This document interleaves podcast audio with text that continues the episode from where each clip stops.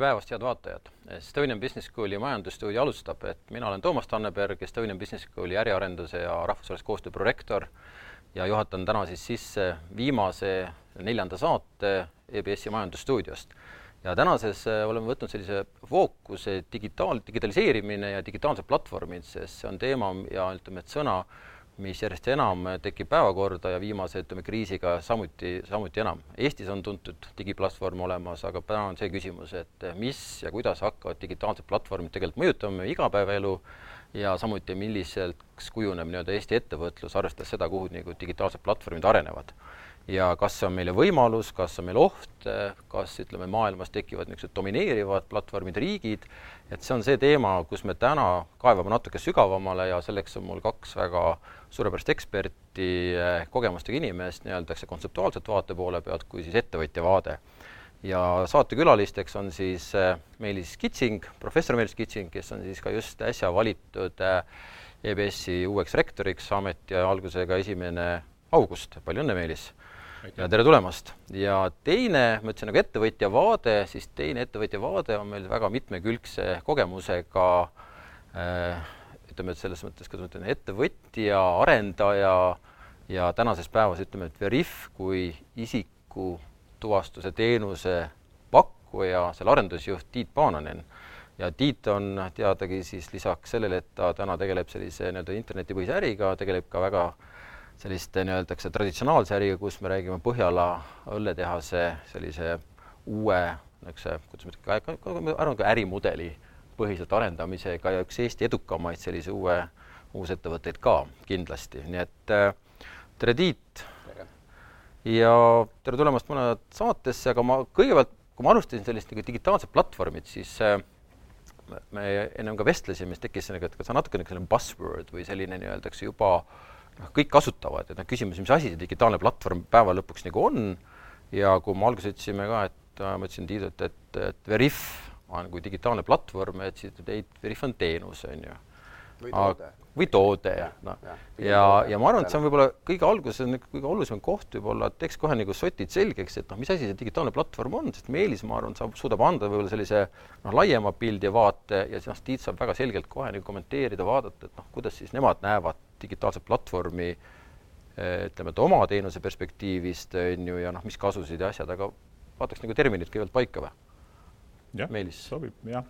Jah, et äh, tere minu poolt ja suur aitäh kutsumast, et äh, tegelikult see platvormi mõiste on päris äh, vana võib-olla, et on, seda on kasutatud majandus- ja juhtimiskirjanduses seal juba üheksakümnendatel.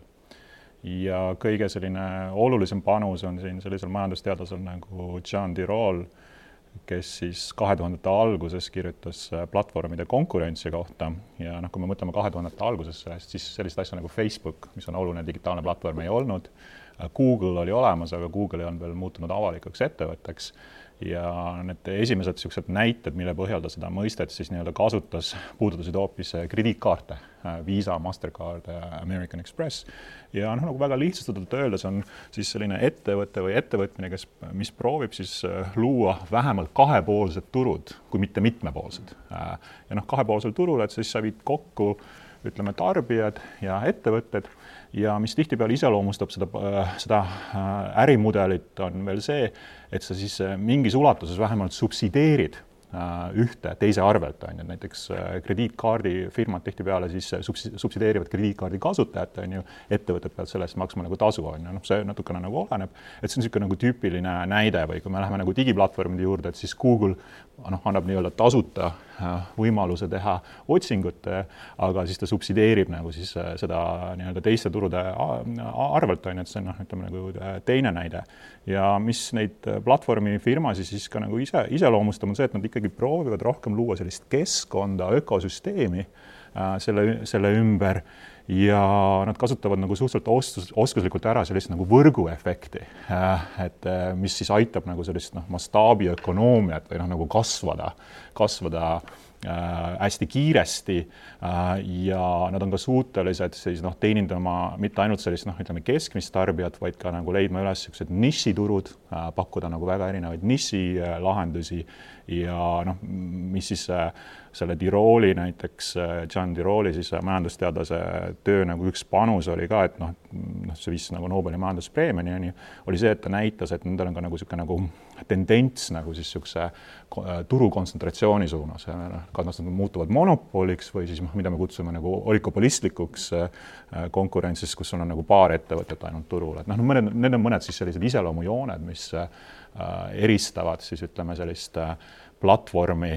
vähemalt nagu majandusteaduses ütleme mingist muust sellisest ettevõtmisest, aga noh, see termin on jah, tõepoolest väga selline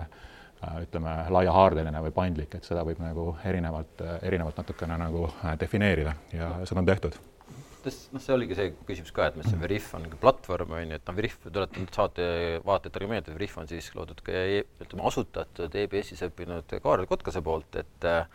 et see on üks seos ka, mis nii-öelda seob EBS-i ja nii-öelda natuke Veriffi, aga aga just seesama, see nagu platvormi mõiste, et noh, see tuleb nii lihtsalt, et noh, Bolt on täna platvorm, aga Veriff on täna platvorm, aga Tiit parandas ka, ütles, et oot-oot-oot, toode. Veriff on siiski täna toode, mis siis võimaldab Veriffi klientidel äh, enda lõppkasutajaid äh, verifitseerida ja me teeme seda transaktsiooni baasil, ehk siis iga transaktsioon on põhimõtteliselt eraldi tükk Äh, mida siis klient ostab ja ta saab siis vastuseks, kas see inimene oli see inimene või ei olnud või me peaksime teda uuesti verifitseerima, et olla lõpuni kindlad, kas ta oli. Ja, ja see selline kasutuslugu nii-öelda on äh, põhimõtteliselt kõigil internetis äri tegevatel ettevõtetel mingil hetkel relevantne. Ähm, täna on võib-olla see Äh, relevantne ettevõtetele, kes äh, näiteks teevad turunduskampaaniaid ja annavad midagi ära, ehk siis nad peavad olema kindlad selles, et see, kes selle saab, see siis äh, on päris inimene, mitte mingi robot või, või arvutiprogramm, eks ju. aga, aga ka oluliste transaktsioonide isiku tuvastamine, et noh, me teame, et selle aastal alguses läks Notarite Koda üle kasutama Veriffi mis tegelikult võimaldab siis teha äh, nii-öelda sedasama toimingut äh,, aga mitte inimene peales olema selles samas ruumis, eks ju. Ja mis noh, praeguse kriisi valguses oli väga tänuväärne ja paljud olid ülitänulikud, et selline asi üldse võimalik oli. et äh, mm, aga nüüd tulles tagasi nende digitaalsete platvormide juurde, siis äh, äh ma saan väga hästi aru sellest jaotusest äh, ja, ja et selline termin on justkui vajalik, aga aga mina nagu ettevõtja perspektiivist vaatan, et nagu kust see raha tuleb ja mis selle rahaga edasi tehakse, eks ju. et, et kui me võtame siin ütleme Google, Facebook näitel, kes on siis nii-öelda konverteerivad meie tähelepanu otseselt rahaks, mida meie paraku ei saa, eks ju, et et see, see ärimudel tundub nagu jube fishy, aga õudselt hästi töötab, et mida on ka näha nende tulemustest, eks ju. Kui me võtame siin näiteks Amazoni või ütleme, marketplace'i kategooria, kes on ka suure turujõuga, siis nemad teenivad raha hoopis teistmoodi, et äh, olles siis äh, pakkudes seda platvormi ostjatele-müüjatele, eks ju, ja, ja saades sealt üht-teist ise siis vahelt või siis noh, Amazoni näitel minnes üldse täiesti pilveärisse ja, ja arendades noh, just selliseid uusi teenuseid, mis seda kontsentratsiooni suurendab, siis põhimõtteliselt nagu sa mainisid, eks ju, et liiguvad sinna sinna turukontsentratsiooni suunas. et äh, jah, et äh, kust see raha tuleb, on nagu ma arvan, see põhiline näitaja, et mida arvest-, me peame arvestama, kui me seda ettevõtet vaatame, et et kes siis nii-öelda on see digitaalne platvorm. põhimõtteliselt noh, ütleme, et laias pildis me räägime, et, et kui me võib-olla ei kasuta ainult seda platvormi, vaid räägime ikkagi selline digitaliseerimise kontekstis täna ettevõtted teevad koostööd ühe väärtusahela raames, on ju, ja kus tekib ettevõtetel väga selge, ütleme, et kitsalt võib-olla mingi väga spetsiifilise teenusega võimalus nii-öelda kas oma teenust osutada, on ju, et noh, keegi on lihtsalt see, et kes seda haldab tervikuna, on küsimus see, et igaüks toob nagu oma parima teenuse nii sellele noh, kogu sellesse, ütleme, väärtusahelasse, et et et noh, noh, see on nagu see, kus ma nagu täna mõistan, et kuidas see platvormi mõiste võib-olla võiks nagu tekkida, aga ma, ma olen nagu nõus, et pigem räägime jah, sellises ütleme, digitaalses väärtusahelas ja koostöös ettevõtete puhul on küsimus jah, kes seda kontrollib või kes seda nii-öelda haldab tervikuna, et, et see pool. mis on Veriffi puhul veel huvitav, on see, et tegelikult on üks suur lahendamata küsimus maailmas, eh, mida Eesti on ära lahendanud mm. -hmm. ja see on see, et kes haldab minu digitaalset identiteeti. -hmm. et ähm, noh, võtame näite Saksamaa, kus inimesed noh, ei tohi nummerdada teatud põhjustel, eks ju. Aga see on ka väga suur takistus, et nad üldse nagu suudaks konverteerida seda digitaalse, füüsilist identiteeti siis digitaalseks ja siis seda edasi kasutada. et väga paljud riigid ei ole seda teinud oma kodanikele, Eesti on seda teinud väga hästi, et meil on erinevaid viise ennast identifitseerida, meie digitaalne identiteet on Eesti riigil sees, mida me usaldame, sest Eesti riik on öeldud, et see on meie oma, mitte riigi oma. Meil on ka võimalus või natuke seda kontrollida, aga noh, mitte lõpuni, et nagu ennast ära kustutada riigist ei saa, eks. et nagu, kui sa võid noh, mõelda, et sa tahaksid ennast ära kustutada kuskilt digitaalsest platvormist, siis see on võimalik, eks. kontroll alt delete. ja, ja et, et et aga, aga kuidas seesama küsimus äh, digitaalse identiteedi haldusest äh, laheneb äh, tulevikus, kes on see platvorm. Kes minu digitaalset identiteeti haldab või mul on siis palju digitaalseid identiteete, aga kes hakkab konsolideerima seda, eks, et mulle seda viisi nagu nähtavust luua, eks ju. et ähm, need on nagu huvitavad küsimused ja kindlasti ka nagu Veriffi äh, tulevikustrateegia osa. küsin, et mul tuli lihtsalt praegu, kas Eestis, et kui me räägime samad avalike teenuste puhul, noh, me räägime, et sama, ütleme, et X-tee ja kus avalikud teenused, kas see on ka nagu platvorm põhimõtteliselt nagu? Oo oh, jaa. tegelikult tähendab väga selge, et nagu riigipõhiselt teenuste platvorm, et noh, kui inimene küsib, et mis asi see nagu on, siis ütleme, et täna on platvorm, kus ma tegelikult kõik oma digitaalseid avalikke teenuseid täna saan. noh, seal on erinevad osapooled, pakkujad, noh, seal on ka eraettevõtted, kes pakuvad erinevaid teenuseid, siis seoses ka riiklik. täpselt, et see on võib-olla selline kõige lihtsam käekatsutav mõiste võib-olla täna inimestele, et mis näitab, et kus kõik osapooled on toonud kokku, et kodanikke teenindada põhimõtteliselt. ja noh, riik tegelikult mõtleb kaugemale, et siin hobi korras äh, koos Sergei Anikini ja Priit Liivakuga Nortalist ja, ja Pipedrive'ist ja Nortalist siis vastavalt äh, teeme seda Algorütmi podcast'i ja meil oli hiljuti siis külas Kristo Vaher, kes on nagu Eesti riigi CTO, kes mhm. siis äh, avas meile seda ähm, X-ruumi kontseptsiooni mm -hmm. ehk siis Eesti riik hakkab tegelema mobility platvormi loomisega mm, -hmm. kui tänaseks on see identiteedi ja see andmevahetuse platvorm, eks ju mm, -hmm. siis sinna tuleb nagu selline mobility võimalus, kuhu siis eraettevõtted saavad liituda ja olla nii-öelda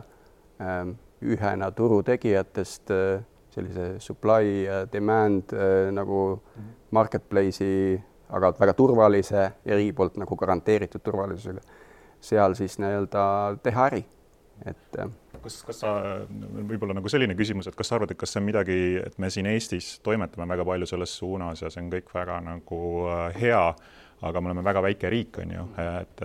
et mis ulatuses sa arvad, et selline asi ka nii-öelda laiendatav nagu mujale maailma, et me oleme noh, X-teed juba nii-öelda eksportinud, on ju, Soome ja mõningatesse teistesse riikidesse, aga äh, ennem, ennem mainisid siin Saksamaad, on ju, et noh, et äh, Saksamaa näib nagu see Euroopas olevat nagu ütleme,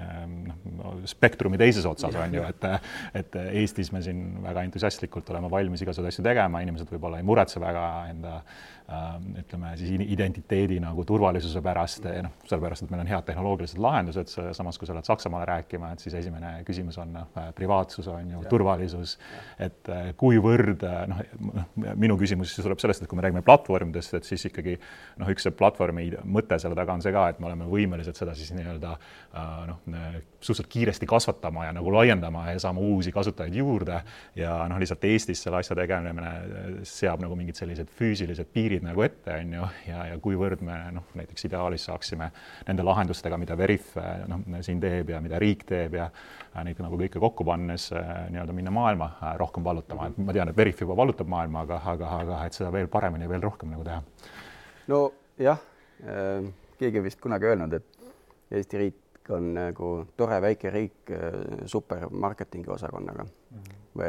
Great, small country with a great PR department oli vist see quote, eks ju samas meil nagu see marketing nagu tuleb välja, aga müük väga ei tule.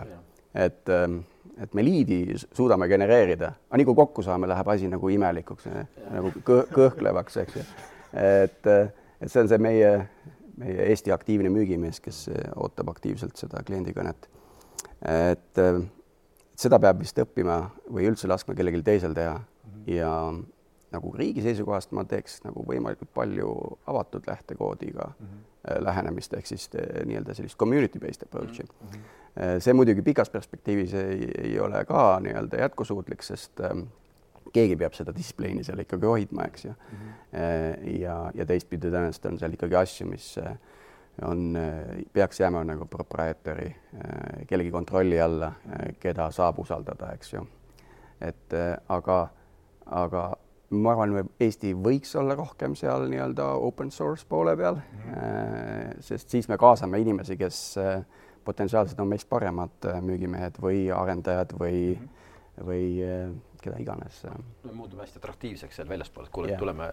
et ju me oleme juba väga tugev, on ju, aga nüüd, et kuule, läheks, teeks ka, aitaks veel kaasa. noh, teine, teine suund on loomulikult see, mis toimub nagu Eestis, Eesti ja Euroopa koostöös, eks ju, et noh, meil on ju seal ikkagi väga tugevad agendad, noh, isegi ÜRO teema oli see digiagenda oli nagu seal olemas, on ju. et, et Eesti huvides muidugi on see, et mitte kehtestada äh, Äh, mitte teha seda, mis juhtus näiteks sepamaksetega kunagi, kui need tulid, et äh, tegin makse ära ja siis äh, ootasin kaks päeva oma raha, onju. enne see toimus kõik sekunditega ja nüüd hakkas kõik äh, võtma tohutult aega. ma isegi ei tea, kas keegi on välja arvutanud, võib-olla majandusteadlased teavad, mis oli selle liigutuse skp mõju.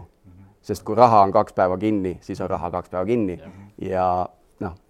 kes selle nagu intressi sealt vahelt lõpuks endale sai, noh, pangad, eks ju. viimane selline arendus, ütleme siis nagu selle X-tee platvormi pealt nagu lendama maailma läinud on siis kas Maailma Terviseorganisatsiooni Haigekassa või, kas X-Roadi mingis, see on nagu olnud teemaks, et ma ei ole küll okay. kursis täpselt, ma tean küll, et Eesti on ähm, nüüd viimase kriisi valguses äh, äh sinna WHO suunas üht-teist teinud ja, ja noh, sellised noh, kasvõi seesama Immunity Passi äh, initsiatiiv, eks ju, mida siin Taavet Tiimrikus ja Liis Narus veavad, et et äh, sellised asjad äh,, et need tulevad Eestist äh,, on tegelikult inimestele, ma arvan, väga vastuvõetav selles mõttes, et nagu inimesed tahavad, ah, sealt tulevadki need lahedad asjad. kas äh, kas täna näeme sellist nende platvormide puhul, et noh, mainisime ennem, et noh, globaalselt on nii-öelda eks Facebookid, Google'id, kas me näeme, et need hakkavad rohkem domineerima meie näiteks igapäevaelus äh, või, või, või noh, on seal kuskil noh, ja mis, mis on see nagu võit on ju võib-olla, et noh, kas, kas noh, ühelt poolt ettevõtluse poole peal, et noh, kindlasti Veriffi poole pealt sa saad kommenteerida seda, et, et noh, seda Veriff teeb täna ka koostööd tegelikult platvormidega, et ega selles mõttes, aga võib-olla, et kas, kas, kas seal tekib selline juba, et noh, suured saavad veel suuremaks, on ju, veel jõulisemaks, veel domineerivamaks mm, -hmm või on, me näeme ikkagi, et, et noh, midagi kuskile tuleb see muutus, on ju, et ja, ja et äh, noh, kunagi äh, nagu üheksakümnendatel kui me mõtlesime interneti peale, et siis äh, noh, valitses selline mõnes mõttes niisugune nagu tehnolibertaarne nagu unistus, et internet on selline hästi nagu detsentraliseeritud nagu keskkond ja Eisenberg vist kutsus seda isegi nagu rumalaks võrgustikuks, et noh, et igaüks saab nagu siis seal kuskil võrgustiku otsas nagu innovatsiooni teha ja siis kõik need lahedad asjad tulevad seal nagu kokku. tegelikult viimase paarikümne aasta jooksul me pigem oleme näinud nagu siis äh, platvormiseerumist, on ju, ehk siis üha rohkem ja rohkem niisugused suured ettevõtted nagu domineerivad, nad loovad seal siis nii-öelda oma niisuguseid kinniseid äh, kogukondi mõnes mõttes, et nad ei ole lihtsalt nagu turuplatsid, nad ei ole lihtsalt nagu tehingute vahendajad, nad on tegelikult ka nagu reeglite kehtestajad. Äh, et see on, sellest on hästi oluline nagu aru saada, neil on noh, teatud eelised seal, ütleme, informatsiooni ärakasutamisel on ju, et nad, neil on rohkem informatsiooni kui ütleme teistel. Ja seda, seda nagu trendi oleme me näinud viimased paarkümmend aastat ja ma arvan, et see trend äh, jätkub äh, ka tulevikus. Ja kuidas see noh, näiteks Eestit puudutab, on ju, et noh, me võime mingi sektori võtta, et võtame näiteks ajakirjanduse, on ju, ja vaatame reklaamirahasid, on ju, et need on äh, Eesti ajakirjandusel langenud, on ju, sellepärast et Google'i ja Facebooki reklaam on kasvanud. Äh, nii et selles mõttes äh, noh, me võime öelda, et jah, et äh, nüüd saame Facebooki tasuta kasutada, me saame Google'is teha tasuta otsingut, et see on nagu selline tarbija nagu lisandväärtus, on ju, aga kui me mõtleme, noh, majandusteadus on selline termin nagu välismõju, on ju Äh, ehk siis, et, äh, et võib-olla siis äh, see meie nii-öelda asi nagu päris tasuta ei ole, et keegi selle maksab kinni, et võib-olla siis mingis osas selle maksab kinni näiteks Eesti ajakirjandus on ju, et noh, et kas noh, küsimus on selles, et kas sa suudad siis sellises platvormimajanduses nagu tekitada piisavalt nagu kvalitati-, kvalitati-, kvaliteetset äh, siis sisu, on ju äh,, eestikeelset sisu just ennekõike ähm,. ja kui sa ei saa nagu seda nii-öelda subsideerida nagu reklaamirahadega, et see noh, et sul tuleb siis leida nagu mingeid teistsuguseid äh, ärimudeleid või noh, üks teine näide, mida ma tihtipeale ka toon, on siis ütleme Youtube'i näide, et äh, Youtube tundub meile selline noh, hästi demokraatlik nagu teenus, et äh, igaüks võib üles laadida video ja igaüks võib seda nagu maailmas nagu vaadata. aga kui me hakkame tegelikult vaatama ja see, ja see on selles mõttes, et jah, ta on selles Google'i, Google'i nagu teenus on ju, aga samas ta on ikkagi väga niisugune nagu kogukonna või community based, et noh, et kasutajad loovad nagu seda sisu põhimõtteliselt on ju. aga kui, kui me vaatame siin näiteks noh, neid analüüse, mida California ülikoolis Martin Kenny tegi koos enda ühe, ühe doktorandiga, siis sealt tuleb väga hästi välja, et need, need, kes on siis selle sisu loomise nii-öelda nagu tipus need inimesed, kes siis suudavad seda kõige rohkem ära monet-, monetiseerida, need peamiselt asuvad Californias ja Ameerika Ühendriikides. Ja need, kes siis neil aitavad seda monetiseerida, äh, kaheksakümmend protsenti nendest äh, on äh, igal pool üle maailma, kes siis nagu klikivad, et noh, iga kord, kui sa põhimõtteliselt nagu klikid nagu seal Youtube'is või sulle midagi meeldib Facebookis, et sa mõnes mõttes noh, teed nagu tööd, on ju, et sa nagu aitad kellelegi seda nagu monetiseerida. Ja, ja noh, ennem oli siin juttu nendest nagu väärtusahelatest, isegi sellise nagu näiliselt niisuguse demokraatliku teenuse puhul, siis tegelikult see noh, see on see põhjus, et miks me kutsume neid väärtusahelateks, mitte nagu tarneahelateks, sest et nendes ahelates luuakse väärtus, luuakse lisandväärtus. Ja küsimus on see, et kuhu see lisandväärtus nagu läheb, on ju, ja sellel lisandväärtusel on mingi oma geograafia täielikult, et see lisandväärtus läheb peamiselt isegi sellise demokraatliku lahenduse puhul peamiselt Ameerika Ühendriikidesse, on ju. Äh,, kus siis, kus siis noh, ei mängi ainult rolli see Silicon Valley tehnoloogiline niisugune äh, taristu ja ökosüsteem, vaid äh, siin tuleb väga tugevalt mängi ka Los Angelese oma Hollywood, mis põhimõtteliselt siis aitab selle Youtube'i videod, mis müüvad nagu teha atraktiivsemaks, et et, et, et, noh, selles mõttes on näha, noh, rääkimata siis ütleme nagu noh, sellest, et noh, et Facebooki või, või Google'i omanikud on seal kuskil Silicon Valley's niikuinii on ju, aga siin me räägime sellest, et noh, et ka need tarbijad või nii-öelda kogukond, kes content'i loeb, on tegelikult ka nagu suhteliselt äh, kontsentreeritud. selle domineerimise puhul, kui sa ütlesid selle reklaami näite, ma arvan, et ma võin natuke suurusjärgu eksida küll, aga ma arvan, et see oli vist eelmine aasta kolmkümmend mingi neli kuni seitse miljonit eurot on Eestis internetituru reklaami maht mm ja Google, Facebook võtavad sellest mingi kolmkümmend kolm, noh, mingi üheksakümmend protsenti rohkemgi ära tegelikult, et noh, see näitab tegelikult, kui domineeriv on, et meie roll seal täna oma internetiturunduses on ikkagi noh, olematu, et noh. mul on võib-olla küsimus Meelisele, et, et ähm, miks ja kas see on võimalik neid suuri ettevõtteid tükeldada regulatsioonidega? jah, et äh, see on niisugune nagu hea, hea debatt, et ähm, äh, noh, ma arvan, et mõnes mõttes äh, nad töötavadki sellepärast, et nad on sellised suured ettevõtted, on ju, et sa suudad siis noh, integreerida erinevaid te teenuseid, sa suudad siis noh, läbi äh, digitaliseerimise nagu ära kasutada nagu oskuslikult nagu andmeid, on ju et äh, ma arvan, tükeldades kindlasti ähm, äh, noh, see osa nagu sellest ähm, noh, nende e-, eelistest ja sellest, ütleme, tarbija lisandväärtust, mida nad ka nagu loodetavasti loovad, on ju, see läheb nagu kaduma. et ähm, aga see on selline poliitiline otsus, et tegelikult Ameerika, noh, Euroopa Liidus me teame küll, et noh, meil on igasugused digimaksud ja ja selline äh, Äh, hoiak, kus äh, noh, teatud riikides nagu näiteks Prantsusmaa ollakse väga kriitilised nagu suurte just ennekõike Ameerika platvormide osas ja noh, noh, miks nad on Ameerika omad, on sellepärast, et Euroopas eriti ei olegi nagu väga suuri platvorme, noh, kõige lähem, mis meil on, sellele on Spotify, mis on Rootsi oma, aga isegi Ameerika Ühendriikides nüüd selle viimase demokraatliku partei presidendikandidaatide hulgas oli ju inimesi, kes olid näiteks Elizabeth Warren, kes oli väga tugevalt selle poolt, et noh, võtta seesama äh, Äh, niinimetatud antitrust äh, lähenemine, mis oli siis Ameerikas kuskil sajand tagasi, Standard Oil ja kõikide nende firmade suhtes ja siis äh, laiendada seda nagu Google'i, Google'i ja ja teiste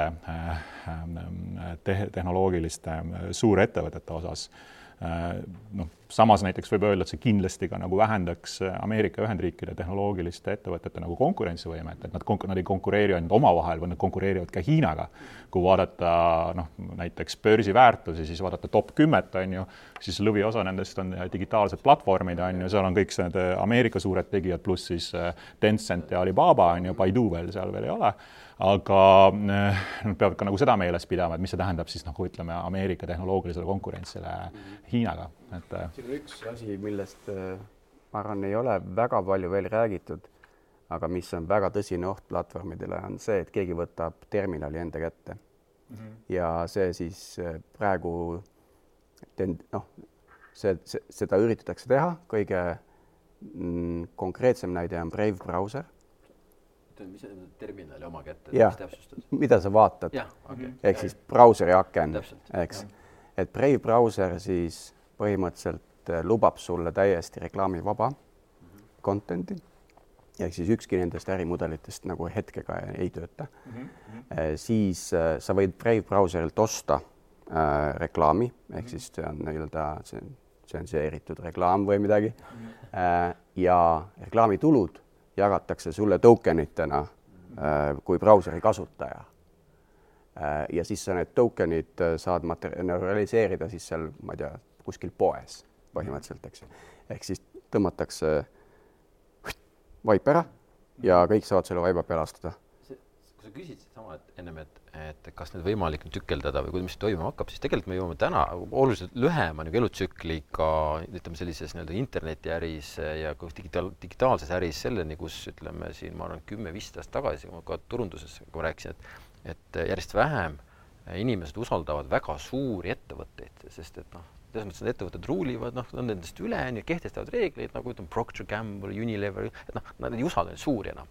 ja, ja me räägime nii-öelda, eks, et noh, nende traditsionaalse, traditsionaalse äriettevõtetes, siis täna põhimõtteliselt me näeme, et see int-, kogu see internetiäri jällegi eksponentsiaalselt kasvanud, on ju, me jõuame jälle selleni, et ühel hetkel on liiga suur, et nagu usaldada, et noh, kõike me noh, meist tead-, teatakse, kogu see andmepool, on ju, noh ja kohe tekib uus võimalus järgmistele ettevõtetele, nagu sa ütlesid, et äh, see on ju uus, uut tüüpi brauser, et see on jah, selles mõttes on äh, huvitav nagu näha. et noh, ma arvan, et siin on ka nagu see, sellised nagu arengud, et näiteks noh, sama noh, mina kasutan terminit, ütleme digiplatvormid ja nii edasi, on ju, aga noh, kiirenduses võid leida igasuguseid äh, termineid, mis selle kohta kasutatakse, et näiteks kasutatakse päris palju sellist terminit nagu jagamismajandus, on ju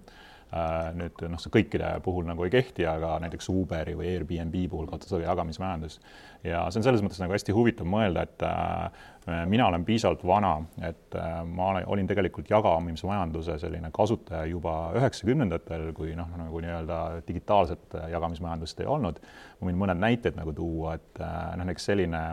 selline ettevõtmine oli Saksamaal nagu Mitfahr Centrale mis siis noh, tähendas seda, et näiteks kui ma läksin Frankfurti ja tahtsin Frankfurtist minna hästi odavalt Barcelonasse, siis ma läksin ühte kioski seal Frankfurdi äh, äh, raudteejaama juures, ütlesin, et et kuulge, et ma tahan minna Barcelonasse, siis nad vaatasid, ahaa, et homme seal üks Hiina doktorant nagu sõidab enda punase Volkswagen Passatiga Barcelonasse, et sa saad temaga nagu odavalt minna, et noh, Midfar Centrale siis tähendabki niisugune koos sõitmise keskus on ju, et noh, tegemist oli siis ütleme nagu puhta jagamismajandusega, kus siis noh, me ei jaganud küll nagu linna sees neid autosõite, aga ütleme linnade vahel äh, Euroopas ja noh, kui mõtleme Uberi või, või Bolti peale, et sisuliselt nad teevad sedasama asja, on ju, nad on lihtsalt suutnud selle nagu ära digitaliseerida. aga ma arvan, et erinevus on ka nagu selles, et see ei ole enam nagu jagamismajandus, et noh, et paljude inimeste, suhteliselt vähe on neid, kes seda teevad ainult ütleme niimoodi noh, oma lõbuks või noh, nad paratamatult sõidavad punktist A punkti B ja siis võtavad kellegi kaasa, vaid see on pigem ikkagi noh, niisugune tõsine nagu ettevõtluse vorm, et et inimesed ostavad uue auto selle pärast või, või noh, teevad seda nagu täiskohaga Äh, ja noh, sama, sama puudutab ka nagu Airbnb ärimudelit, et tegelikult see oli ka üheksakümnendatel, ma olin äh, siis ühe niisuguse teenuse kasutaja, mille nimi oli Servas ja noh, see seisnes umbes selles, et kui ma USA-s ringi reisin, ma läksin seal kuskil Wall Streeti lähedal ühte kontorisse, maksin kakskümmend dollarit ja siis sain mingisuguse paksu raamatu, mis kattis ära siis kõik selle servase liikmed Ameerika Ühendriikides. Äh, Manhattanil näiteks oli äh, lausa sada inimest, kes olid nõus pakkuma öömaja ja siis ma nagu tavaliselt pidin neile kirjutama või siis helistama ja küsima, et kas te tahate mulle nagu öömaja pakkuda ja siis nad mulle nagu seda pakkusid. ja põhimõtteliselt Airbnb on nagu võtnud sellesama ärimudeli, aga ta on nüüd seda muidugi monetiseerinud, et need inimesed ei küsinud mu käest äh, ööbimise eest raha, pigem ma maksin selle noh, raamatu trükkimise, selle kontori üles, üle, ülevalpidamise eest. Ähm, äh, et Airbnb siis põhimõtteliselt on sellesama nagu ärimudeli võtnud ja Äh, nüüd nad siis äh, põhimõtteliselt nagu küsivad inimestelt raha, on ju, mitte nii palju kui nagu hotellid, on ju, aga jälle, et ta ei ole nagu selles mõttes jagamismajandus, et et noh, seal võib-olla mingi osa on inimesi, kes jagab nagu äh, noh, üle, ülejäänud, mis on ülejäänud mingi korter või tuba või midagi taolist, aga me näeme ju, et vähemalt siin Tallinnas on ka juba tekkinud niisugused noh, põhimõtteliselt võib öelda nagu Airbnb hotellid on ju, et, et ettevõtted, kes haldavad nagu viitekümmend eri, erinevat korterit on ju, ja selle juurde on ehitatud teenused on ju, noh, puhastusteenus ja muud sellised asjad. nii et äh, et siit on noh, nagu hästi see nagu dünaamika näha, et mida nagu digitaliseerimine on võimaldanud teha ja, ja võib-olla siis on see ka nagu, et et kui noh, need asjad, millest mina rääkisin, need niisugused üheksakümnendate kogemused, et noh, need olid niisugused nagu puhtad jagamise, majanduse asjad, on ju, et ütleme, selline keskendusid ikkagi sellele, et ütleme noortele tudengitele mingeid niisuguseid võimalusi pakkuda nagu reisimiseks ja noh, nende missioon oli siis see, et noh, et äh, viime inimesed, paneme omavahel kontakti, on ju, erinevatest maadest ja riikidest, siis, äh, siis ma arvan, et see pool nagu selles äh, platvormiseerumise kontekstis on noh, nagu kaduma läinud ja, ja, ja on esile tulnud nagu rohkem sellise monet-, monetiseerimise pool nagu. jah, jah. aga lähme tagasi selle Veriffi toote juurde, et, et te tehes koostööd nagu erinevate platvormidega, et kas see on nagu ütleme, on näha, et kuidas on kiirendanud seda innovatsiooni, andnud seda rohkem võimalust tegelikult ütleme, oma teenust arendada kuidagi või, või noh, kas, kas see platvormidega koostöö või see platvormiseerumine, te näete sellest täna võimalust, on ju, ma ei tea, võib-olla ühel hetkel et me oleme ka platvorm, on ju, ma ei tea,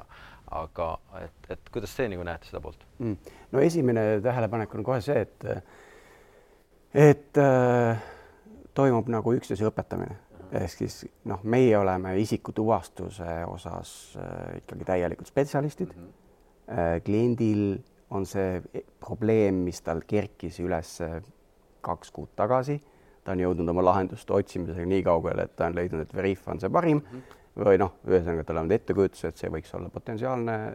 teenuse osutaja. ja siis, siis meie kuuleme seda, mis temal on vaja. saame nagu kohandada oma ütleme, otsuste profiile ja, ja, ja meetrikat ka, et noh, osadel on vaja kiirust, teistel on vaja nii-öelda seda conversion'it, mis eesti keeles võiks olla ma olen täitsa hätta. Äh, teistel on, kolmandatel on vaja, on vaja täpsust, eks ju, et see sõltub sellest, et kus see konkreetne äh, verification või verifitseerimine toimub nagu selles onboarding flow's nii-öelda. et aga, aga esimene on jah, see, et toimub üksteise õpetamine. ja, ja sealt edasi tegelikult läheb asi väga kiiresti meetrika peale, ehk siis kellel mis täpsus, tähtis on, kas see, et võimalikult palju inimesi saaks läbi nii-öelda sellest flow'st või et eh, võimalikult palju informatsiooni saaks kätte selle inim-, inimese kohta, kui ta on selle esitanud näiteks noh, dokumendi näol. Eh, või siis on see, et, et see peaks kõik toimuma hästi kiiresti, et see on osa sellest live flow'st ja see otsus peaks tulema nagu hästi kiiresti. See kohandamise protsess on tohutu kiire ikkagi selles mõttes. ja, ja, ja, ja siis, siis põhimõtteliselt kliendid noh Äh, neid, neid use case'e, noh, ütleme, võtame selline jagamismajanduse äh, ettevõte, siis see, kus on vaja isikut tuvastada nii-öelda remotely ja kiiresti on on the go nii-öelda, äh, neid use case'e on selline viis-kuus tükki kergelt on võimalik leida, et on võimalik onboarding ust leida, transaktsioonide valideerimisel äh,, isikutuvastus äh, või verifitseerimine, et noh, kasvõi seesama sõit, sõitja äh, kas see on seesama sõitja, kas see on seesama juht ikka sellel hetkel, eks ju, või ta on andnud oma telefoni kolmandale inimesele, eks ju. et selliseid asju tegelikult tehakse palju, et äh, nagu kõik vanad probleemid on ka nendel uutel,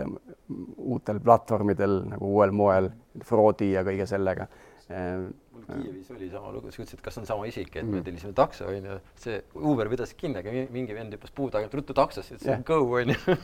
ei toimunud verifitseerimist yeah..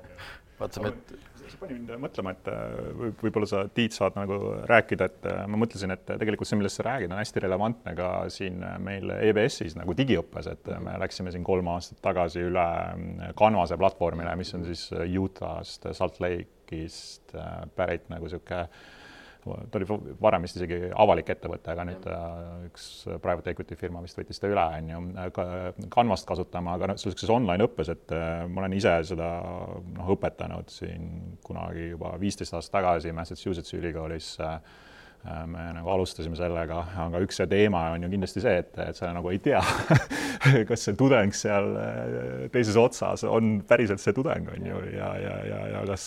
ja kuidas sa neid noh, nagu eksameid teed ja nii edasi, et kas siin on ka nagu mingeid nagu mõtteid või on teil mingit laienemist ka sellisesse, ütleme, haridus, hariduskeskkonda, et me saaksime jah, et, et kas me saaksime näiteks siin noh, neid nagu hästi kasutada ja olla kindlad, et, et, et see konkreetne inimene nagu siis teeb seda eksamit või vastab seal online ja nii edasi jah, enne eksamile jõuab, tänane mm -hmm. probleem ka see, et kui ma teen vastuvõttu, sa ei mm, -hmm. sa ei lenda kohe siia, onju, noh, Skype'is on alati ka ja siis on vahel Skype'i pilt on udune, hääl hakib, sa päeva lõpuks ei tea, et noh, mhm. kes see seal kolmandas riigis, kes see, kes see nagu inimene seal taga nagu on, et noh, selles mm -hmm. mõttes see on ju. see on selles mõttes väga, no neid use case'e on tohutult palju mm, -hmm. et Veriff on võtnud äh, selle lähenemise, et kui sa oled aus nii-öelda actor mm, -hmm. siis see peab kõik toimuma sinu jaoks no kiiresti mm, -hmm. mugavalt ja põhimõtteliselt märkamatult. Ehm, see, et sinna jõuda äh, ja samal ajal siis jõuda sinna sellel viisil, et kui sa ei ole aus aktor, et siis me saame su kätte nii-öelda poole pealt mm, -hmm. et me ei, me ei ütle, et see, jaa, see on Toomas. et ähm, see on tehnoloogiline väljakutse ja see on ka kasutajaliidese väljakutse ja see on selle, selle use case'i väljakutse, sest kui äh, sinul seal see õpilane peab ennast tuvastama ja tal see ei õnnestu kolm korda ja siis tal on kohe ju ettekääne, et ma ei saanud ennast tuvastada, ma ei jõudnud õigeks ajaks selle asja nagu mm -hmm. tööd esitada, eks ju yeah.. eks, aga kui see on tal nagu sedama flow'd on ta mitu korda kasutanud nagu panka sisenemisel või, või on kuskil mingit transaktsiooni valideerides ja nii, siis äh, ühtäkki on seesama flow tal seal Canvases siis tema jaoks on seesama, nagu ta sisestab täna parooli, eks ju. või, või kasutab mingit single sign nagu single lahendust, on ju. et, ähm, et see on see tehnoloogia väljakutse, mis tuleb ära lahendada mm -hmm. ja, ja sinnapoole oleme hästi teel, et, et täna võtab see tõesti aega mõned sekundid, kui inimene saab sellest flow'st läbi. Me peamegi teda natuke juhendama Äh, sest see on suhteliselt uus kasutuslugu nii-öelda, inimene ei saa sellest sellisel kujul aru. noh, ta peab tegema näopildi ja dokument ühelt poolt, dokument teiselt poolt. et äh, sellist asja ta ei ole pidanud mitte kuskil mujal varem tegema. Äh, aga, aga ma arvan, et see on meie uue aja reaalsus. absoluutselt, et ma tulen kord tagasi sellesse et kui ma alguses korra mainisin, et need väärtusahelad on suuri platvorme ja nagu võimalused, et et, et sellise platvormi ajastul tekib nagu küsimus või noh, ka Veriffi näide on ju hea, et et sa, sa väikse nišiettevõttena, eriti just tehnoloogiaettevõttena, millel on nagu kiiresti võimalik, ütleme, et oma toodet kohandada ja nii edasi, sul tekib päris hea võimalus ikkagi noh, minna globaalseks või suurtemate kliendirühmadeni, sest sa väga kitsast teenust võid tegelikult osutada, et sa ei pea nagu vaatama, et noh, mis see tohutu suur teenuse hulk on, mida sa hakkad lahendama Eestist er eriti välja minnes, vaid noh, võiks olla võimalus mitte ainult ka startup idele, vaid Eestis ettevõtetele ikkagi, et et, et kus ma vaatasin siis ka Taani tulevikuuuringute instituudis välja, et, et noh, mis on see kõige väiksem maailma parim asi, mida sa teha oskad? Mm. -hmm et, et noh, mõelda küll suurelt, aga hästi nagu konkreetselt on ju, et kas see võiks olla nagu Eestis ikkagi vaadata ka suuri platvorme vaadata, kuulge, et aga me saame selle platvormile pakkuda teenust ja see on meile nagu võimalus, et noh, kunagi rääkisime, see on nagu allhange, rääkisime traditsionaalses majanduses, et ma olen allhankija, aga ma arvan, täna digitaalses maailmas selline allhankena pakkuda mingit kitsast teenust on hoopis teistsugune võimalus või? et ma noh, see on nagu küsimus teile mõlemale, et kas on see võimalus meil, Eestil võiks olla? jah, et me vähesed ilmselt teavad, et kogu Volvo eh, sisemine interjöör eh, nagu vaipkatete osas on Eestis tehtud, eks ju, et, et selles mõttes see, see allhanke pool, aga nüüd, kuidas seda siis nii-öelda selle digiplatvormile sinna suu-, suurde ettevõttesse teha, kellel endal väga suur võimekus arendada asju, et et noh, ma ei tea, seal on terve noh, terved korrused tõenäoliselt täis selliseid äh, laboratooriume või labs'e, kus nad asju arendavad. et, äh, et kuidas selline väike tiim äh, kuskilt Eestis siis sellises konkurentsis vastu peab, et et äh, seal peab olema see nagu see natuke keskkonnatugi, mis on Eestis ka enda olemas, seepärast et meid juba käsitletakse nagu interneti tegijatena. me oleme internetis palju suurem riik, kui me kaardil oleme, eks ju. Äh, et see on väga hea. Äh, teine on see, et mm, et noh, Veriff on juba mitu aastat selle probleemiga tegelenud mm. -hmm. ja kui ma võtan mingi platvormi, kellel on nagu prioriteedid olnud võib-olla rohkem raha teenimise peal ja, ja nad on siiamaani üritanud läbi ajada noh, mingite muude isikutuvastusvahenditega, eks mm, -hmm. nad ei, võib-olla ei ole sinna nii palju investeerinud, paar aastat võib-olla ees, eks ju, noh, mhm. sõltuvalt ettevõttest. Ehm, ja, ja siis lõpuks taandub lõpp, asi isikuteni, et kes seda arendab ja kui nutikas ta siis sellel, seda arendust tehes parajasti on, et kas ta saab selle mm, -hmm. selle magusa koha kätte, mis, mida kõik otsivad, aga tema leiab seda esimesena, et miks ma küsin, et kui meeldis kommenteerida, sest et noh, kuskil on ka väide, et, et järjest rohkem tegelikult need platvormid hakkavadki otsima seda, et ega nad ei, ei, nad otsivadki, noh, ma olen ju arendajaid, vaid partnereid, et noh, erinevatest sektoritest, et nad ise nagu ei hakkagi, et noh, ehitame omale nagu see kogu äri, vot ostame, mitte ostame juurde kogu aeg, vaid tegelikult olemegi sellises lepingulises baasis palju mugavam on ja, lahendada. konsolidaatorid on tegelikult palju, kes noh, kasvõi seesama isikutuvastuse seal ümber on kogu KYC, KYB, AML ähm, ärid, eks ju mis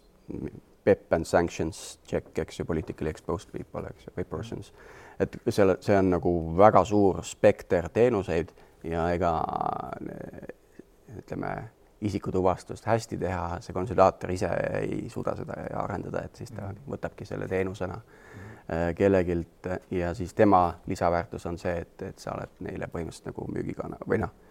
nemad on sulle siis müügikanal, eks ju mm. Äh, ja et äh, ma arvan, see on nagu niisugune hästi nagu huvitav teema, ma arvan, et üks niisugune põhiline asi, mis muidugi tuleb siin ka nagu meeles pidada, on see, et äh, tuleks hoida nagu nii-öelda ähm, teatud nagu tasakaalu selles osas, et ei muutuks nagu ühest suurest platvormist nagu sõltuvaks, on ju, et, et ja. siis on nagu lihtsalt see risk, et kui nad teavad, et sa oled tast nagu sõltuv, on ju, siis nad võivad selle kui see noh, äriarendus on edukas, on ju, nad võivad selle lihtsalt nii-öelda nagu endale võtta ja su äri nagu ära kaotada, et, et siis ole mõistlik teha nagu noh, koostööd siis paljude erinevate, et hoida nii-öelda nagu munad siis nagu mitmes korvis, on ju, et noh, nagu maandada neid riske, et see on kindlasti äh, ma arvan, üks äh, oluline asi. ja teine on noh, äh, nagu sa mainisid, et on ju, et meil on ikkagi Eesti kui selline on nagu suhteliselt nagu väike, et võib-olla üks asi, mille peale mõelda, on siis see, et kuidas me saaksime olla rohkem nagu selliste noh, uute lahenduste selline nagu testimise koht, et on ju, et, et võib-olla me, me just täna tegelikult avaldasime ka Arenguseire Keskuses eh, neli stsenaariumit aastani kaks tuhat kolmkümmend viis, mis räägivad laiemalt nagu globaalsetest jõujoontest, aga see taristu, sealhulgas nagu digitaristu teema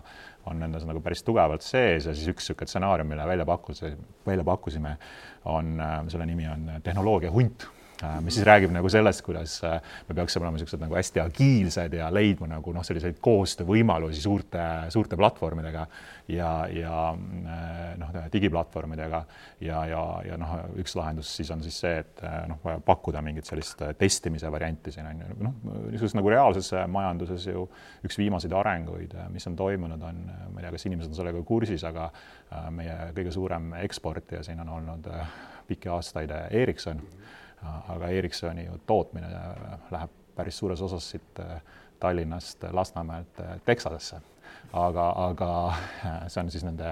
erinevate tehnoloogia ja kaubandussõdade tulemus on ju, mm. et olla nagu siis Ameerikas rohkem nagu kohapeal, et ja et see on selline areng, aga ma saan aru, et siis Ericssoni plaanid on siin Tallinnas nagu rohkem siis tegeleda niisuguse nagu teadus-arendus, ütleme nagu arendustegevusega ja siis äh, luua mingeid uusi lahendusi, mida siis noh, võib näiteks Texases või Hiinas või kuskil mujal nagu toota, on ju, noh, põhimõtteliselt samasugune, samasugune näide, et et maailm natukene nagu ikkagi läheb sellise plokistumise suunas, on ju, et noh, need pinged on päris suured, noh, digi, digi, digi, digiarengute puhul jälle nagu sõltub, et no millest me nagu räägime, et noh, see tihtipeale ei, ei pruugi seisneda nagu niisuguse füüsilise toote nagu liigutamises, vaid, vaid, vaid ka jah, et andmed on ju, et, et seal võib-olla see on natukene teistmoodi, on ju, aga, aga noh, just nagu mõelda selles võtmes, äh, ma arvan, suhteliselt, suhteliselt oluline ega noh, ütleme, see on, tähendab seda, et tegelikult seda korra vist räägitudki EAS-i puhul ka, on toonud välja, et Eesti kui noh, ega see ongi Eesti kui platvorm, ütleme, et täna sellise tehnoloogia arenduste juures on ju, et noh, ja ega ja miks on ka Eestis ikkagi startup'i ettevõtted, kes siin siit nii-öelda alguse on saanud, tänased ikka arenduskeskused on pigem Eestis kui, kui mujal, noh, siit ei müü, aga noh, selles mõttes siin olla nagu arenduskeskus on nagu väga väärtuslik ühelt poolt. Me puudutasime teemat päris alguses korra juba, et platvormi domineerivus meil on USA ja meil on Hiina, on ju, aga meil ei ole nagu Euroopat ei ole suurel pildil, et, et aga miks? et meil on Hiina platvormid, USA platvormid ja me oleme siin kahe nagu kivi vahel, ütleme niimoodi. hästi populaarne ja ma ei tea, kas see on peamine põhjus, on, on see, et Euroopas ikkagi ebaõnnestumine on suhteliselt suure templiga, jätab su nagu äh, sinu isikliku ja, ja professionaalsuse karjääri ka, eks ju. see on midagi, mis, mida inimesed on nagu äh, pigem väldivad, mitte siis võttes riski, eks ju äh,. teine on see, et ma arvan äh, miks on just Eestis äh, see startup värk niimoodi hästi käima läinud ja, ja noh, Iisraelis ka näiteks on ju, on seal, et see, see nälg nagu läbi lüüa. Äh, sul on pär-, sul on reaalselt see nälg olemas, seda on vaja jah, et, et, et ja pluss, kui on mõned eeskujud veel, eks ju, siis sa saad sealt nagu seda julgustust, on ju. et kui ma Euroopa, Lääne-Euroopa sellises sotsiaalses keskkonnas olen, siis mul seda nälga ei ole lihtsalt mm -hmm. ja seda ei tule kuidagi, et ma, mul on tegelikult nagunii päris hästi juba onju. meil veel ei ole nii hästi onju, et meil on see drive olemas, eks ju. Ka jõuame sinna mingil hetkel kohale ja siis on meil ka muutume, muutume rahulikuks ja. see, sa väga hästi ütlesid nälg, et ma kunagi ühel Hiina mingi üritusel olin ka ja siis äh, Iisraeli, ma arvan, et see oli üks saadik ütles ka, et see, miks me Iisraeli innovatsiooni teeb, on see, et noh, me, meil ei ole lihtsalt teist varianti. Yeah., me peame nagu otsima mm, -hmm. et noh, kuidas me oleme riik, kus ei ole nagu võimalik magevett saada, me peame mõtlema välja, innoveerima, noh, kuidas seda saada. et me oleme nii-öelda, eks, et noh, me oleme sunnitud, me selg vastu seina. Ja selles mõttes ei ole niimoodi, et noh, vabalt kõik innoveerivad siis, kui tahavad, vaid vaat see nagu selg vastu sein on tegelikult väga oluline nagu lähenemine. Et noh, see innovatsiooniks, mis on vaja, on põhimõtteliselt seda nälga ja, ja, ja siis on vabandust. Vaja et, et sul on vabadus neid otsuseid teha, proovida. et kui, kui seda nagu sellisel nagu re reeglitega juhtida nagu päris keeruline. ja ma arvan, mis Eesti äh, üks eduvõti on ka olnud see, et, et paljud otsust, otsused on tehtud äh, tihti mitte otsustajate poolt, vaid tegijate poolt et on, ma arvan, ma olen nõus sellega, et eriti digitaliseerimises on Eestis hästi palju olnud niisugune nagu alt üles ja, protsessi ja. ja ütleme, need, kes on üleval nii-öelda, need on nagu lasknud nagu nendel asjadel toimida, et kui me noh, mõtleme siin nii avalikku sektorit kui ka erasektorit. aga jaa, ma olen äh, Tiiduga nagu äh, väga nõus ja võib-olla ma lisaksin siia seda, et äh, kui me mõtleme ka nagu Ameerika peale, on ju, et siis noh, ma olen ise seal nagu elanud ja inimestele meeldib nagu kaheksa aastat on ju Massachusettsis ja inimestele meeldib väga nagu niisugustest suurtest kategooriatest rääkida nagu USA ja nii edasi, aga tegelikult Ameerikas veavad seda teatud piirkonnad nagu Silicon Valley, et mis on nagu erinev nagu sellest, mis Alabamas toimub, on ju. Äh, ja, ja, ja teine piirkond on oluline nagu Boston, äh, noh, kus siis rohkem niisugust nagu ärilt ärile ettevõtteid äh, Ehm, ja Ameerikas endas on ju tegelikult proovitud ka nagu nii-öelda kopeerida seda Silicon Valley mudelit erinevates kohtades, noh näiteks äh, Albany, mis on New Yorgi äh, pealinn, on ju, äh, New Yorgi osariigi pealinn, siin on ju, et New York ei ole New Yorgi osariigi pealinn, vaid Albany on. ja on Albanisse näiteks, see on üks näide, noh, need on nagu suhteliselt armetult nagu läbi kukkunud, sellised kunstlikud kopeerimised, et noh, Ameerikas teatud piirkonnad nagu seda, seda veavad, mis on niisugused hästi ettevõtlikud ja need on niisuguse nagu pikaajaliselt ku-, kujunenud nagu ökosüsteemid on ju, kus on väga tihe nagu ülikoolide, ettevõtete ähm, ja kõikide noh, teiste osapoole, poolte nagu koostöö, kus on noh, mingi omaette nagu kultuur tekkinud, on ju, et noh, siin on ju tehtud ka erinevaid niisuguseid analüüse, et, et noh, niisugusel tavalisel New Yorgi finantsfirmal ei ole väga lihtne nagu kuhugile võib-olla Silicon Valley'sse laieneda või nagu juura või siis ütleme, advokaadibürool, et neil on ikkagi, nad vajavad nagu väga spetsiifilisi teenuseid ja siis noh, nagu teistsugust nagu sellist äh, mõtlemist ka nagu Ameerika sees, et selles mõttes Ameerika on hästi mitmekesine, et see on nagu hästi oluline, ma arvan, rõhutada nüüd nagu, mis puudutab nagu Hiinasse, on ju, siis äh, ma arvan, et Hiinas ähm, võrreldes Euroopaga, et võib-olla tuua selline näide, et ma rääkisin ühe Šveitsi siis äh, tehisintellekti äh, ette, ettevõtjaga äh,, kes on siia Eestisse ka nagu laienenud ja ta tõi sellise näite, et noh, nad tegutsevad näiteks tervishoiu valdkonnas ja neil on vaja nagu andmebaase, andmetele ligipääsu ja siis äh, Euroopas nad suutsid äh, nagu omast arust teha nagu päris hea andmebaasi, kus kõik on noh, korralikult tehtud, kõik nagu nõusolekud on saadud, kõik need regulatiivsed barjäärid on nagu ületatud ja siis said kokku vist niisuguse kuus tuhat inimest nagu andme, andmebaasis mm. -hmm. siis nad samas teevad koostööd Baiduga, on ju, Hiinas ja ütles, et noh, ei ole probleemi, paar miljonit äh, äh, nagu inimese andmed saada kätte, et ja noh, sellises nagu masinõppes ja selles on ju tegelikult vaja sul nagu andmeid, et et nagu üldse selliseid asju teha, et kui sul ei ole nagu andmetele ligipääsu, siis on väga raske sellel tehnoloogilistel lahendustel nagu areneda. Ja noh, kui me vaatame niisugust Euroopa Liidu nagu arenguid, et siis tõstatati jah, see loosungina see digitaalne nagu ühisturg on ju, aga kui me nüüd vaatame mõningaid niisuguseid regulatiivseid arenguid, siis eh, noh, näiteks võtame konkreetselt selle digimaksu teema, et siis eh, noh, ütleme, et see oli nagu kolm varianti mõned aastad veel tagasi, et me ei kehtesta seda üldse,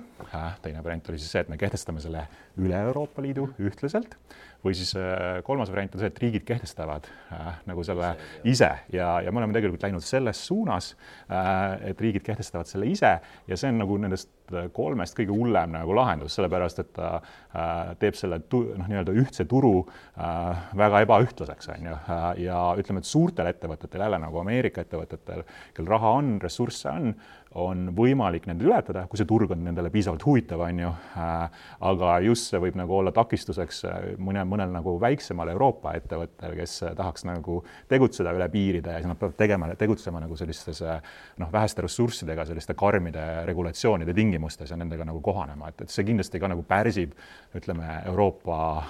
Euroopa arengut selles valdkonnas. see on nagu ülereguleeritud kohati jõuame jälle selles võiks mõttes. öelda jah, nagu ülereguleeritud. killustatus regulatsioonis. ja, ja, niisugune nagu balkani, noh, kasutatakse terminit balkaniseerimine, on ju.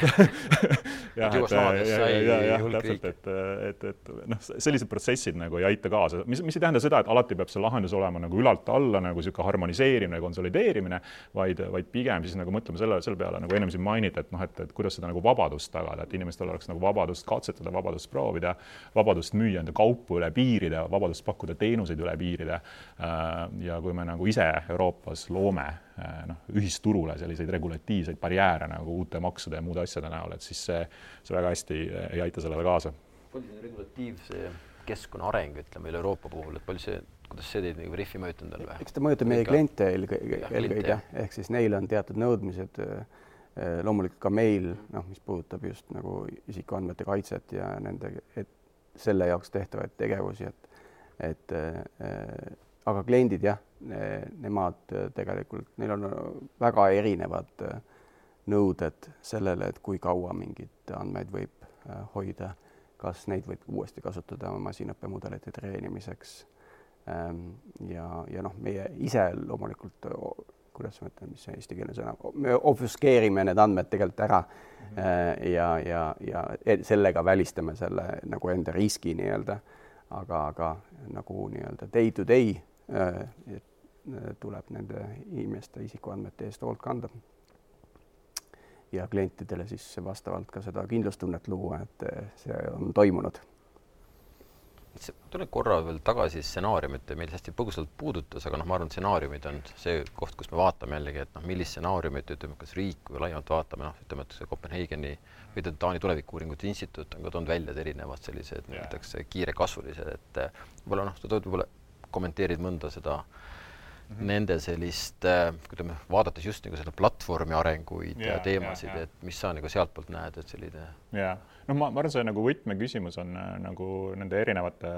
ma olen nagu siis äh, noh, viimasel ajal päris palju lugenud erinevaid stsenaariumeid, mis neid nii-öelda laiemalt nagu digiteerimist ja laiemalt äh, ka platvorme nagu puudutavad, et noh, lisaks veel sellele Kopenhaageni tulevikuuuringute instituudile siis OECD stsenaariumid ja, ja, ja, ja, ja muud nagu, mis on siin tehtud Californias ja, ja mujal. et noh, niisugune nagu üks võtmeküsimus on see, et noh, et kas selle selline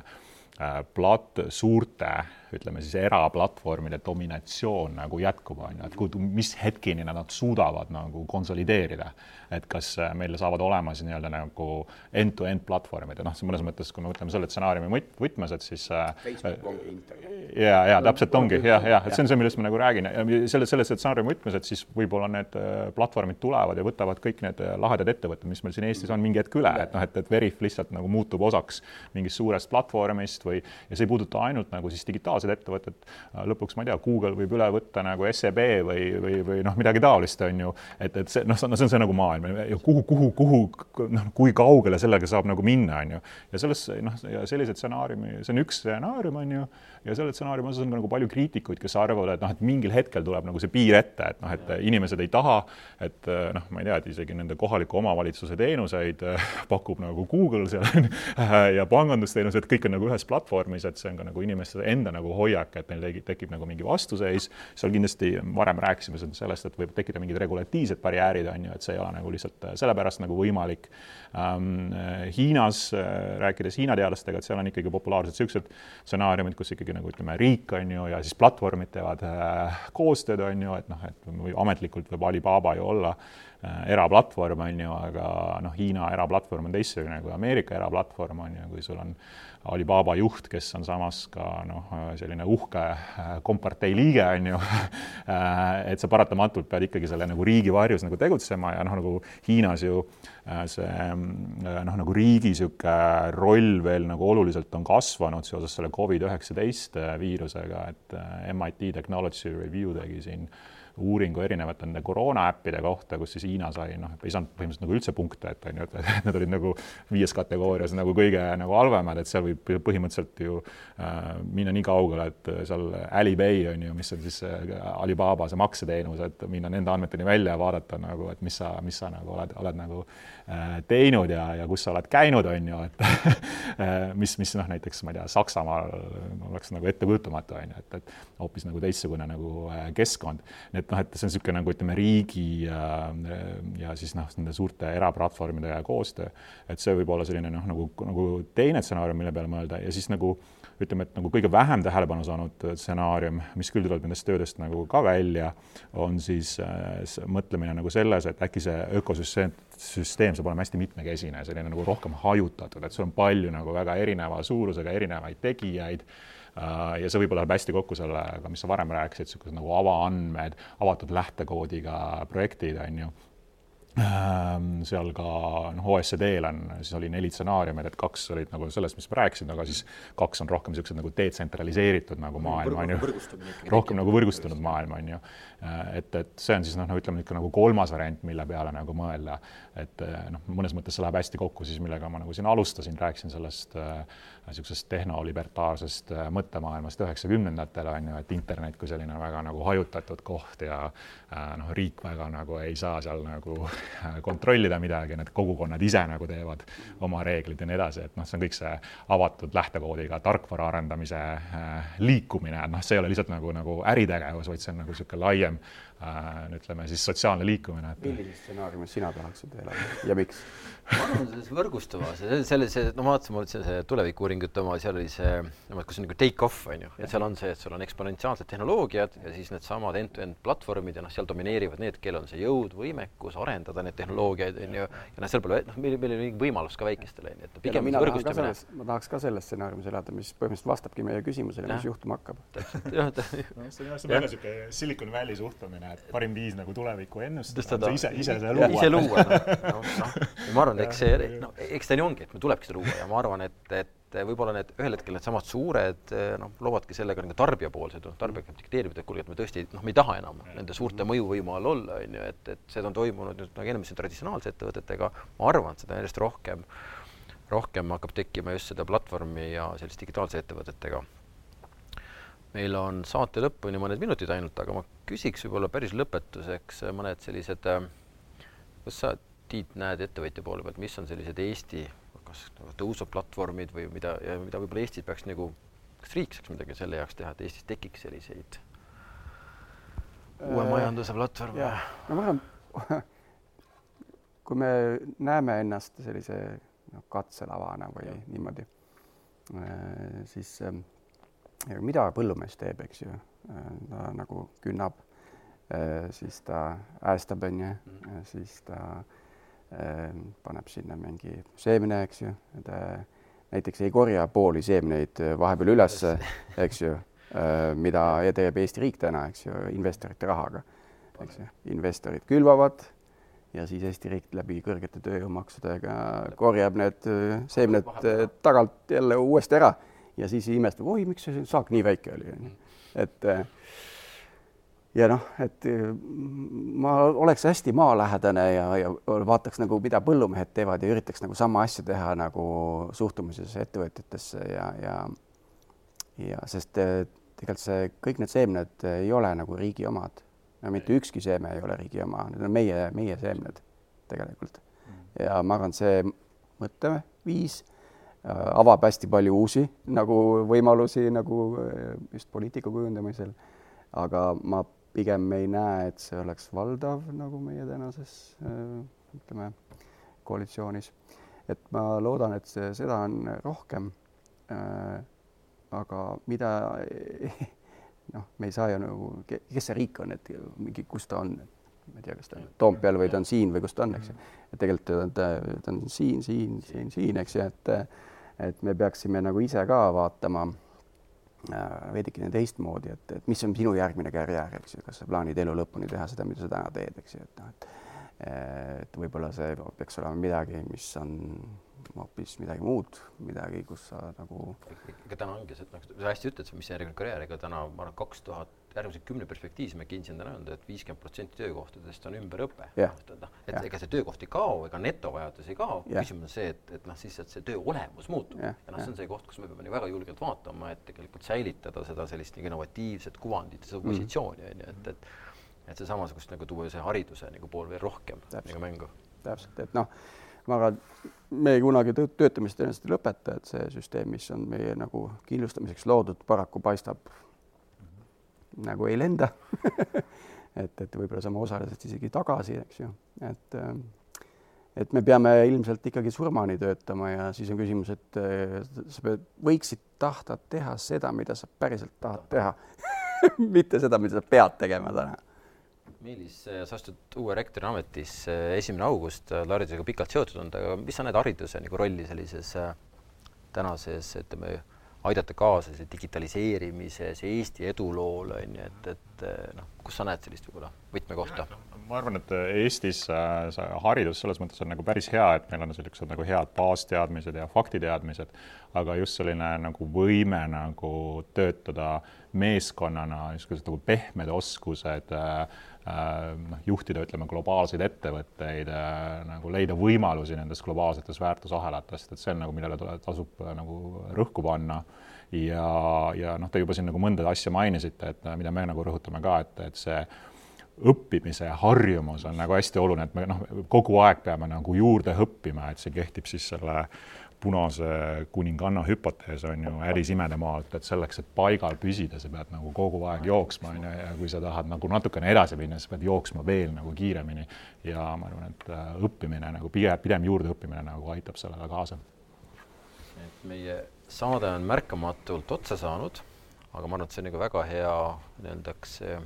sõnum, millega lõpetada, et äh, see pidev õppimine, harjumuse ja see on see arvatavasti noh, mis aitab nagu Eestil seda edulugu hoida